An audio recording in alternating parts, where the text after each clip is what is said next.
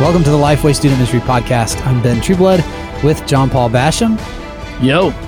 We are here for another fantastic episode with you. Merry almost Christmas. Uh, Merry Christmas to you and yours, podcast listener. The greatest gift that you could give us this year is leaving that rating and review. so we, we would appreciate it if you would go and do that. Uh, thanks in advance for taking that time. Only takes about 30 seconds, uh, words and stars. That'd be awesome. Um, today's episode is brought to you by Chasing Love, the brand new study from Sean McDowell. And it's a fantastic one. If you haven't listened to the week of focus we gave to this back in November, uh, we did four podcast episodes, one every day, all around uh, this study and some of the content in it. So, Chasing Love uh, by Sean McDowell. And he, the thing that we're kind of saying about is you can see God's answers to questions about love, sex, gender, and relationships. This is a really important study at a key time. And uh, we're thankful to be able to partner with Sean to do that. So you can find out more at lifeway.com slash chasing love. For today's episode, we're going a little bit Christmassy, John Paul. It's that time of year. And so here we are. We're going a little Christmassy today. I'm down. Let's do it. So we have uh we're going to talk about reindeer. Um but I think you'll find it to be very interesting the conversation we have about reindeer because as we talk through this, I know student pastors, um, you're going to be thinking of students in your ministry. Um, so we've done a little bit of work here, and we're going to talk about a reindeer, and we're going to liken it to a certain student in your ministry, and then talk about how to, we can specifically minister to or pastor, or some things to look out for related to uh, to that specific reindeer or student in your ministry. So um, let's start off with this one Blitzen. All right. Now, I want you to think for just a moment uh, about Blitzen the reindeer, being a student in your ministry, and what things come to your mind when you think about Blitzen the reindeer as a teenager in your ministry. Do you have them? Okay, great. Well, uh, what we have, what we've labeled Blitzen as here for, for as a quick thought for our purposes, uh, is the hyper the hyper kid. Do you, have you, John Paul? Has there ever been a hyper student in in student ministries that not like normal, but like you know, this is Blitzen right here, bouncing off the walls. I mean, it, anybody that's done student ministry for one night has identified the kids, the Blitzen kids in the student ministry. Yeah, absolutely. Man, there was one. Uh, I won't say his name.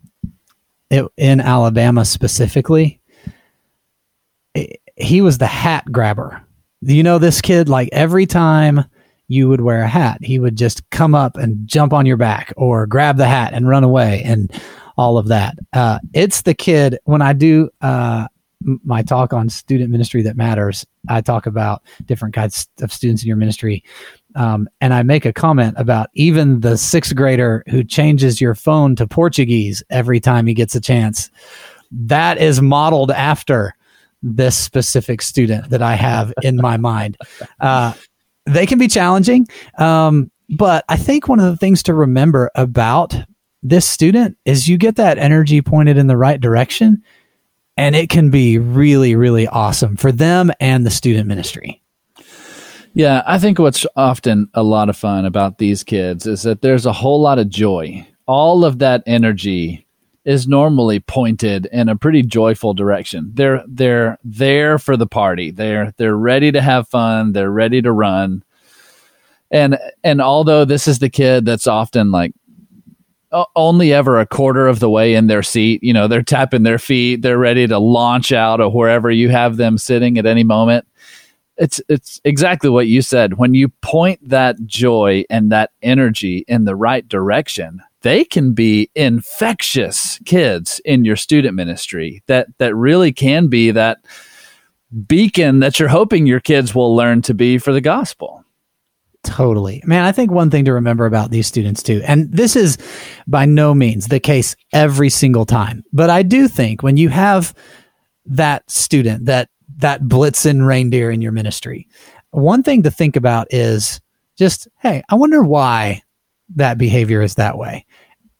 Sometimes it might just be who they are in that stage of life. Other times it might be something that they're acting out because of something that's going on or hey like I need attention in this way because of some things that are happening in my life. So uh, again, I don't want to say that that's it's certainly not the case every single time. But I think that is a good thing to think about when we think about pastoring this type of students. It's just to keep in our mind, I wonder what's going on. And maybe that could lead us into a further discussion, conversation with them, just to learn more about their life, to see if there's something that needs to be uh, needs to be pastored well in that moment. I think too sometimes because these students can be on the annoying side sometimes we we sometimes don't give them the opportunities that we give other students. Um, yeah. And I think that's a big mistake because if any kid needs a job in any moment or a role to focus that energy, it's that kid. And so part of the secret to having success with that kind of kid is giving them that responsibility, give them a job, give them a place to point all of that energy and enthusiasm and not set them off to the side because you interpret all of that as uh, something that you just can't wrangle. Like there's there's no way that I'm ever going to get this kid focused in the right direction. You're actually making it worse by doing that than if you were to just bring them in and say, "Okay, let's let's point you somewhere and let you take mm, off." That's good. Well, reindeer number 2 uh, is Comet. John Paul, what do you th- what do you what comes to your mind when you think about Comet the reindeer? But a popular and easy to gravi- gravitate to kid. Th- this is kind of a two sided thing because we've talked about sometimes student ministries build strategies around trying to go get these kids, thinking that these kids are going to be the gatekeepers to all the rest of the kids. Yeah. Do you, and we've hit this before, but what do you think about this, about that kind of a strategy? Yeah, man, I I think it can be a really destructive strategy. Uh, I so I, and I'll talk about it in a couple of different ways. One, students who are influential will influence other students. So yeah. that part about it is true. However, if we organize a student ministry around only the comets in our community, then we're leaving out all of the other students. We, in setting a strategy to go after those specific ones, we are in essence creating a strategy that purposefully leaves out the reaching and ministering to the other groups of students. They're all not like this. They're all not easy to gravitate towards. They're all not the popular ones. They're all not the athletic ones or whatever is popular in your community. And so while I think influential students will be influential, we can't leave out the other ones because here's the reality of it is that every student is influential with someone. They all have a nucleus or a core of people that they can influence. And we just can't we can't leave those out. And oftentimes, and I've seen this uh, up close and personal, is that a student ministry can spend so much time going after the comets, and the comets never pan out the way that you think they will. Now, again, th- that's the example that I've seen personally. Uh, certainly, it doesn't happen every time, but we just, I think we have to be really careful in building that kind of strategy. Yeah, I think it's dangerous when that is your strategy. You know, I, am going to go into these two or three schools. I'm going to find the influencers, and that's how I'm going to win the rest of the kids. Yeah. But I don't think it's bad as a part of what you're trying to do. You know, try to go yeah. find. I mean, we've had examples in our ministry together where you know, one kid gets reached, and then that kid, because of who they are, all of a sudden this kid has brought 13 or 14 other kids to church. And, and it's one of those like, you know, it, it really is like a comet. I mean, just watching them take off and bring so many people with them. But that's not going to be the rule. That's often going to be the exception. So I think that's part of a um, a multifaceted strategy. Can I find these influencers that'll be gatekeepers, uh, you know, or gate openers for Yeah. me to some of these other kids? But you've also got to be looking for all the rest of the kids too, and trying to reach all the rest of those kids. So it's just as important um, to build a relationship with the quarterback of the football team as it is the drum major, um, and everybody else in between. Yeah. Or the third row clarinetist. Right. Whatever. I don't know if that's how you say that word. But man, I think another uh, another piece of this too is that there are uh, there are students that you're going to have in your ministry, right? Like those are the cards that you've been dealt, so to speak. Those those are the reindeer that are in the barn. If we're going to keep going with, with our with our example here, those are the ones you have.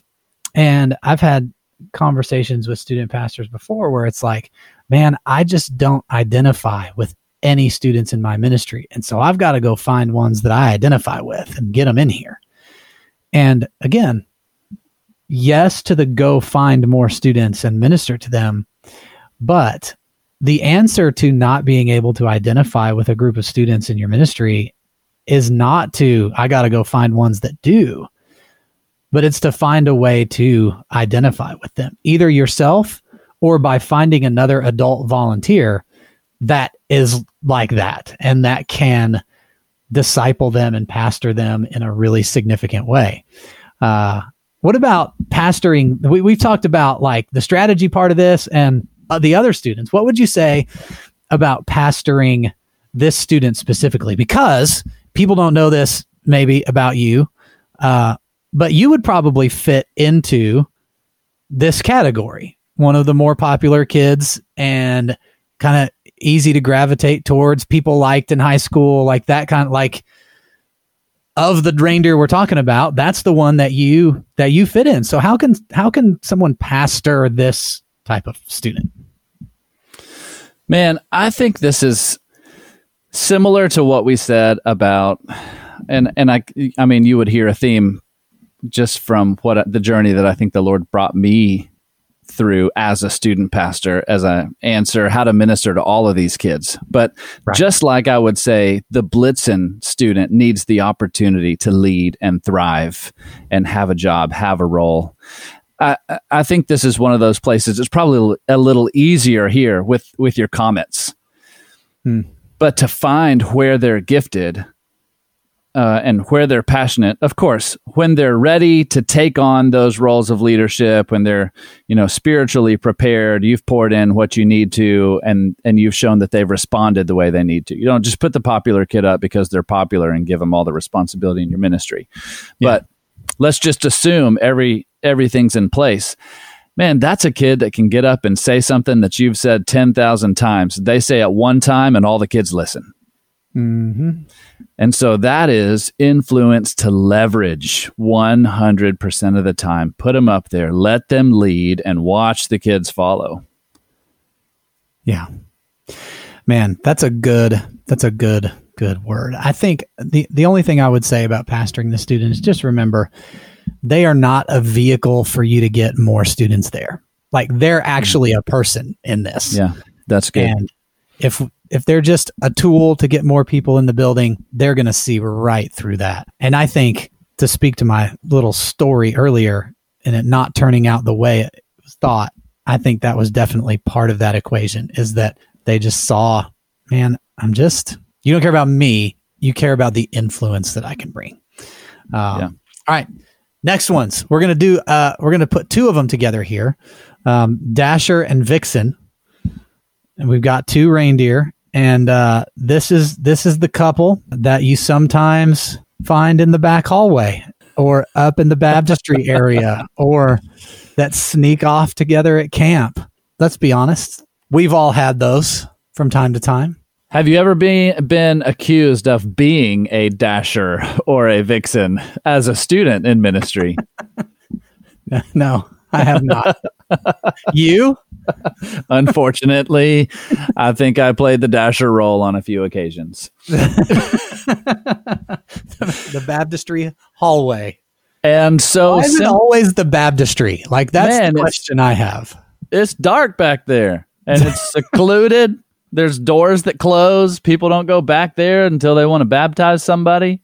Yeah, that's true. So the solution here is to baptize more people. that's how we're going to raise the baptism counts. I, I think it is also too to just realize the segment of people you're doing ministry to. This is something that can get super frustrating and that you can just kind of I mean, sometimes this kind of stuff just makes you want to blow your lid. But you have to realize, I mean, you've been there too. And that and that's I think part of what's helpful for me. Like, okay, I get it. Like I know how you feel. You know, I, I wanted to sneak off into some back corner too. And so it's it's contextualizing, making sure that you remember who you're talking to and and and who they're listening to and how to get their attention. And you know, these aren't these aren't just evil kids. They're kids that are going through some really natural things in their life that are that have got their hormones through the roof. And that's just part of ministering to students. I think grace is a key component of this conversation. With this one, as I was thinking about how to talk about this specific thing, because I think you've said what needs to be said already uh, in terms of the students. I think one of the areas that this gives an opportunity for is coaching adult leaders who experience this, who Yeah. are the ones that either come to you and say, I saw so and so walking off with this per, you know, all of that kind of stuff. This is a moment, I think, to coach leaders on exactly what you've just said. Let's remember who we're ministering to. Let's remember uh, who they are, what they're like. Let let's remember that they're not going to make every perfect decision all of the time. And it is a it's a moment to say, "Hey, let's take a breath. They don't need to be kicked out of the student ministry right now. They don't need to be brought on stage and like publicly shamed for what's just happened." And and a lot of times those adult leaders tend to react at an 8 or 9 on the scale and it's it's it's our opportunity to say hey this is really not that high on the stress reaction meter right here Yeah. And the other thing is that it's your job to remove the opportunities. So, you know, we've talked about this before too. When we showed up to Liberty together, one of the first things that people told us was, man, y'all got to do something about these kids that are getting up here and having sex in the baptistry hallway. And uh, Ben said, why don't y'all lock that door? it's like, there's a pretty easy solution. That door's got a lock on it, and you guys should have had the key. You, this is not hard. yeah So, you know, that's that's part of it too. Just thinking ahead of time and removing those opportunities. If there's not a door, put a person there. Sit them in a chair and say, "Hey, if you'll just sit here and read this book and make sure kids don't have sex back here, that'll be a huge win for our ministry." that's what it says on the leader job description too oh gosh um all right so we can't talk about reindeer without talking about the most famous reindeer of all right like we have to talk about rudolph here Got to. um, and Rudolph, it, you know, I think a lot of people uh, know Rudolph for the nose shining so bright and guiding the sleigh and being out in front. Um, but there is another side to Rudolph too. If you've if you've seen the movie, uh, Yeah, He never got to play Monopoly with any of the kids. No, he didn't. Uh, he was left out. He was made fun of. He was the most unlikely person. Uh, reindeer, but he was not a person. Uh, most unlikely reindeer. Um, and man, I think more so than the Comets, and more so than the Blitzens, and more so than the Dasher and Vixens, student ministries are full of the most unlikely ones that could make such a difference, that can grow so strong in their faith. Um, I I think like that's a common thing that we miss a lot of a lot of times. That's right. And often because we're chasing after all of these other kids, uh, and and because it's just easier to do ministry with the kids that are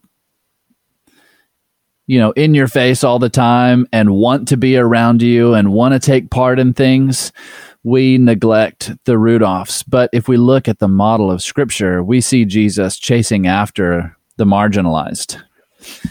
Yeah. And so to reach out to these, I think, is to be really fulfilling this call in student ministry in a healthy way that models the way that Jesus fulfilled his own earthly ministry. Yeah. And these Rudolphs, man, to see to see these students that are the ones that have been made fun of and have been overlooked in every other arena of their life to see them realize God's calling on their life and begin to live in that calling and be active in that calling in your ministry is to see them come to life. And there's not a whole lot more rewarding than seeing that kind of kid just blossom in realizing what's got what God's called them to be and and what He's called them to do. Uh, that's one of those. It's just uh, there's almost some selfish motivation in it for me. Like I I know when this kid opens up and starts living this out, this is going to be so much fun. Yeah, for sure. Man, I, I think uh, the thing I'd say about this kid is that, man, I hope that that in student ministry we do everything that we can to make sure that there's an environment where the most unlikely have an opportunity to be seen and heard and just like you articulated it. Additionally i hope that we do everything we can to where the made fun of and left outside doesn't happen in student ministry. Uh, and you know teenagers are going to be teenagers and there are going to be times where they make fun of each other and they're going to leave people out but we don't have to let it go when that happens and we can use those moments as grace filled teaching moments about why community is important and why we do things together and why it takes a whole team to pull a sleigh uh, those kinds of things those lessons are really, really important for student ministries to understand along the way. And when, as a group, they begin to understand, like, oh, this isn't just some kid that I've labeled as a weird or whatever, but they're actually a part of our family here. That can be a game changer for that Rudolph. Yep, that's right. That's good. This has been another episode of the Lifeway Student Ministry Podcast. Merry Christmas. We'll see you next time.